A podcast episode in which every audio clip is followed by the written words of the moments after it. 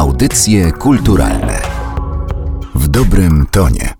Przed mikrofonem Magdalena Miszewska. Zapraszam na kolejny odcinek audycji kulturalnych. Za chwilę przedstawię Wam mojego dzisiejszego gościa, ale kiedy jechałam na spotkanie tutaj, zastanawiałam się po drodze, ilu słuchaczy audycji kulturalnych wie, co to jest Baltikarium, albo komu coś e, to słowo może mówić. Być może są wśród Was tacy, którzy dwa lata temu byli na wystawie o tym tytule w Galerii Kordegarda w Warszawie, albo może słuchaliście odcinka audycji poświęconego tej właśnie wystawie. Podwodny kalejdoskop w Galerii Kordegarda. Ciągle można go znaleźć e, w naszym archiwum.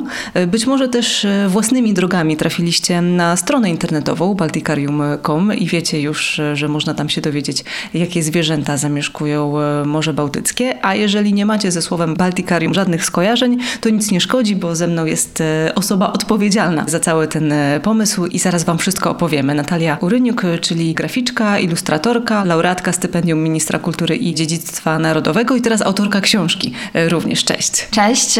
Tak, Balticarium to jest y, portal poświęcony Morzu Bałtyckiemu, a przed nami jest książka Baltikarium, która została wydana przez wydawnictwo Wytwórnia. Jest to album ilustrowany dużego formatu, 82 strony.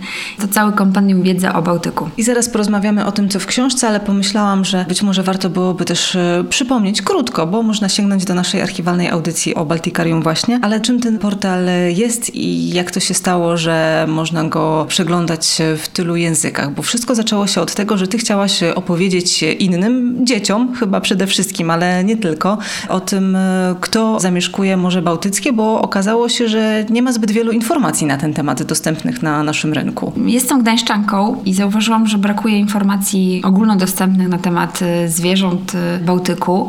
Postanowiłam to zmienić i stworzyć e, portal balticarium.com, gdzie zamieściłam informacje na temat zwierząt, też roślin, też zagrożeń, z jakimi styka się Bałtyk. Otrzymałam stypendium Młoda Polska z Narodowego Centrum Kultury i dzięki temu mogłam stworzyć ten portal. Też y, zaprosiłam do współpracy muzyków, autorów wierszy, bajek, też y, tłumaczy, y, którzy przetłumaczyli stronę na dziewięć języków, w tym chiński. No właśnie ten chiński to myślę może być duże zaskoczenie, bo pozostałe języki to są po prostu języki krajów nadbałtyckich i tutaj przetłumaczenie strony na te języki jest dosyć oczywiste, ale ten chiński? Miałam wystawę y, swoich ilustracji w kantonie we współpracy z konsulatem Rzeczpospolitej Polski w kantonie i właśnie chińskim gościom bardzo spodobała się ta wystawa, też y, dowiedzieli się o projekcie Baltikarium i okazało się, że na Uniwersytecie Kantońskim studenci uczą się polskiego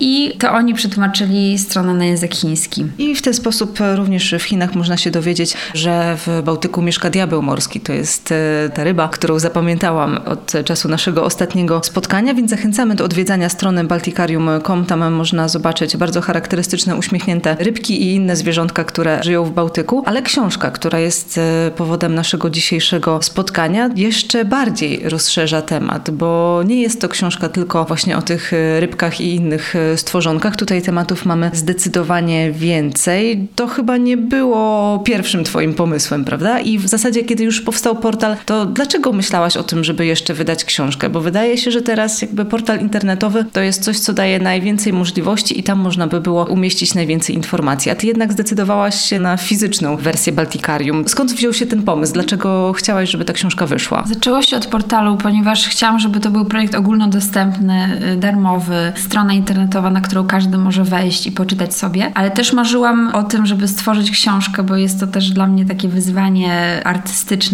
i projektowe. Też jednak lubię książki, lubię przewracać papier, czuć zapach książki i myślę, że wiele dzieci też uwielbia książki, dlatego też dla nich stworzyłam formę fizyczną Baltikarium. I w zeszłym roku spotkałam się z wydawczynią wydawnictwa Wytwórnia Magda Kłos-Podsiadło i rozmawiałyśmy na temat stworzenia książki o zwierzętach Bałtyku. Magda powiedziała, że to fantastyczny pomysł, ale ona by poszła dalej i by stworzyła najchętniej taką książkę, kompendium wiedzy o Bałtyku, która też opowiada właśnie o wyspach, o krajach, o Hanzie, zwyczajach, też zagrożeniach i co możemy robić, żeby chronić Bałtyk. O Hanzie, czyli czyli o takim stowarzyszeniu handlowym, tak można to opisać? Tak. Na rozkładówce, która jest poświęcona krajom nadbałtyckim jest też y, ilustracja o Hanzie i o właśnie tym, że Bałtyk łączy kraje i zachęca do wymiany handlowej i że mimo tego, że Hanza może już nie funkcjonuje i nie działa, ale dalej y, jest coś takiego jak partnerstwo i współpraca bałtycka. I zanim przejdziemy do tego, co ciekawego w tej książce można wyczytać, e, to wróćmy jeszcze do tego momentu, kiedy pojawił się pomysł, że książka będzie rozszerzeniem projektu i będzie opowiadać o wielu innych e, tematach, nie tylko o zwierzętach zamieszkujących Bałtyk. To był ten moment, kiedy zamieszkałaś e, w Bibliotece Narodowej. Tak, to prawda.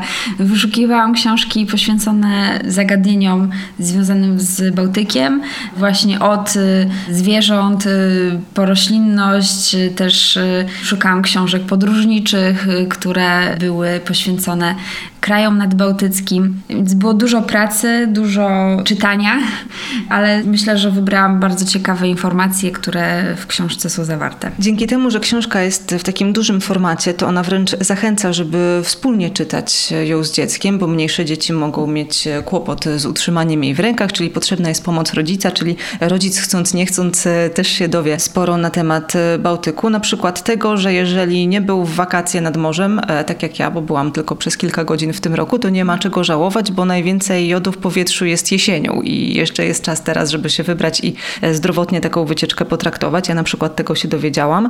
E, z takich ciekawostek, które mnie zainteresowały, to e, jest na przykład historia związana z nietypowym plażowym strojem, czyli piżamą.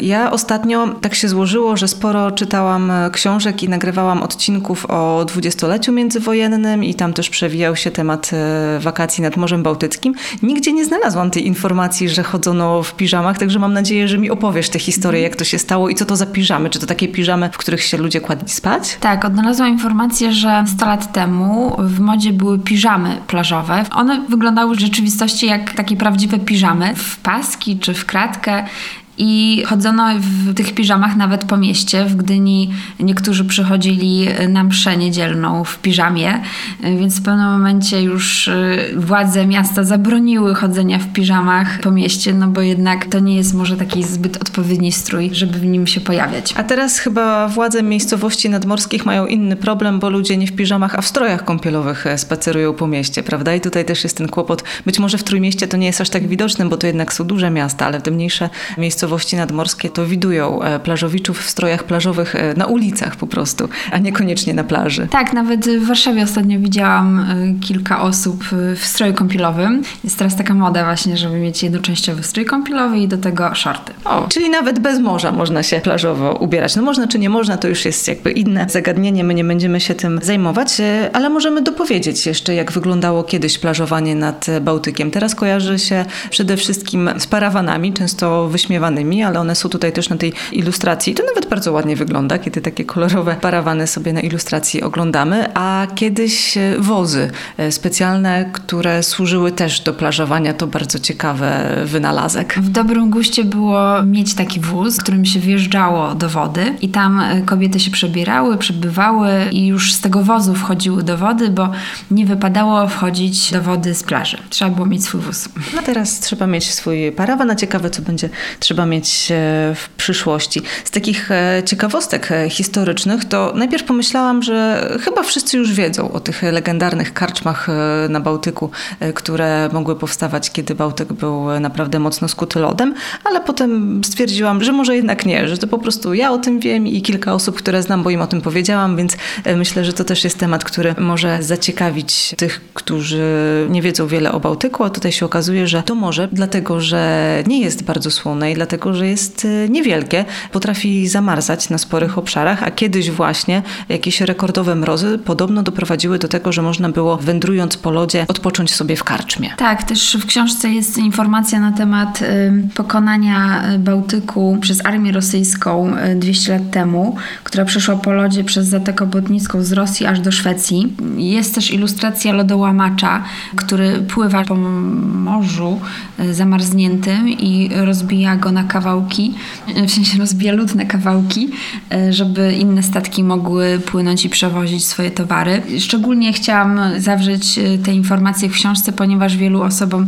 Bałtyk kojarzy się właśnie z wakacjami, z plażowaniem, z dobrą pogodą, a trzeba pamiętać, że też potrafi być naprawdę zimny do tego stopnia, że może zamarznąć. Chociaż temperatura wody w Bałtyku regularnie trochę wzrasta, taka średnia roczna. Tak, co roku jest cieplej, dlatego też może coraz więcej osób y, przyjeżdża nad Bałtyk i plażuje. A propos właśnie plażowania, też wiele osób kojarzy Morze Bałtyckie z takim wspaniałym piaskiem, szerokimi plażami, ale to nie jest wszędzie. Polska się cieszy taką plażą, y, Litwa i Łotwa też, ale kraje skandynawskie mają plaże bardziej kamieniste, klifowe i o tym też jest informacja w książce. W książce nie brakuje też informacji związanych z kulturą krajów nadbałtyckich. E, możemy się dowiedzieć chociażby, jakie bajki są tam popularne. No myślę, że muminki są kojarzone niemal na całym świecie. A jakie jeszcze takie kulturalne tematy Ciebie zainteresowały? Jest w książce poświęcona cała rozkładówka bajkom, baśniom i dramatom. Jest informacja na temat Muzeum Unibaken. Jest to Muzeum Szwedzkiej Literatury dla Dzieci, ale szczególnie bajkom Astrid Lindgren. Też Odense, czyli miasto rodzinne Hansa Christiana Andersena na duńskiej wyspie Fiona. Kronborg, y, czyli zamek, który czasem jest y, tłem do inscenizacji wydarzeń z dramatów Szekspira, więc są to interesujące informacje, o których warto przeczytać, bo są związane z Morzem Bałtyckim. Możemy też się dowiedzieć, jaki zawód można e, nad morzem e, wykonywać i na czym te różne zawody polegają, jak wyglądają porty i co się w nich e, dzieje, no ale oczywiście większość książki to jest ten podstawowy temat związany z Morzem Bałtyckim, czyli kto tam mieszka. Czy ty pamiętasz jeszcze ile gatunków zwierząt w Bałtyku jest? Nie wiem ile dokładnie, jednak y, jest wiele bardzo ciekawych ryb pływających w Bałtyku, jak na przykład wężynka, y, która wygląda mm, jak wąż morski, y, jednak jest taka cieniutka i drobna i chowa się w trawie morskiej, więc bardzo ciężko ją znaleźć. Też jest kur diabeł, czyli diabeł morski, ryba, która ma kolce na grzbiecie i z boku i ogromną paszczę, więc może przerażać swoim widokiem. Jest rybka tasza, której brzuszek się czerwieni, kiedy chce poderwać partnerkę, więc te ryby są bardzo ciekawe. No i są też ryby, które znamy dobrze ze smażalni rybnych, czyli na przykład y, łosoś y, czy śledź, dorsz. One może są nam bardziej znane, ale y, wiele takich ciekawych rzeczy na ich temat można się dowiedzieć z książki. I skoro już czytamy o tym, kto żyje w Bałtyku, jakie tam są rośliny i co się dzieje dookoła, to fajnie, że możemy też poczytać o tym, e, jak dbać o Morze Bałtyckie, bo o tym, że tego plastiku na świecie jest e, bardzo dużo i w zasadzie nie wiadomo, co z nim e, zrobić, a bardzo szkodzi zwierzętom, roślinom i w ogóle wszystkiemu chyba dookoła. To od jakiegoś czasu mówi się coraz więcej. Ty już dwa lata temu, jak się spotkałyśmy, to zwracałaś na to uwagę, że ten plastik jest wszechobecny. Książka Baltikarium podsuwa pewne pomysły już najmłodszym, którzy powinni gdzieś w pamięci potem jako dorośli mieć to, jak zadbać o nasze morze, bo to nie jest tak, że ono będzie istniało zawsze i że te gatunki zwierząt, które tam są, a nie jest ich wcale dużo właśnie przez niskie zasolenie Bałtyku, że one wszystkie tam zostaną. Tak, y, informacje na temat y, co robić, żeby chronić Bałtyk są na samym końcu i mam nadzieję, że jak dzieci będą czytać książkę, to będą coraz bardziej się zakochiwać w Morzu Bałtyckim. Na samym końcu, jak przeczytają, co zrobić, żeby chronić Bałtyk, to y, rzeczywiście będą chciały te wszystkie czynności wykonywać.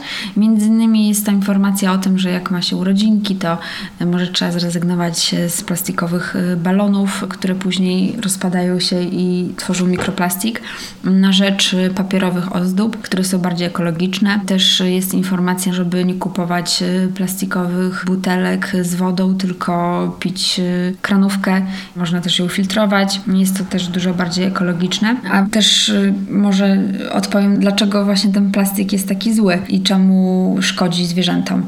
Plastik y, rozpada się na takie drobne kawałeczki poniżej 5 mm, które nazywają się mikroplastikiem. Ten mikroplastik unosi się w wodzie i przypomina plankton i zwierzęta go zjadają. W ten sposób wbudowuje się w ich tkanki i ma toksyczny wpływ na zwierzęta, także zapycha ich żołądki.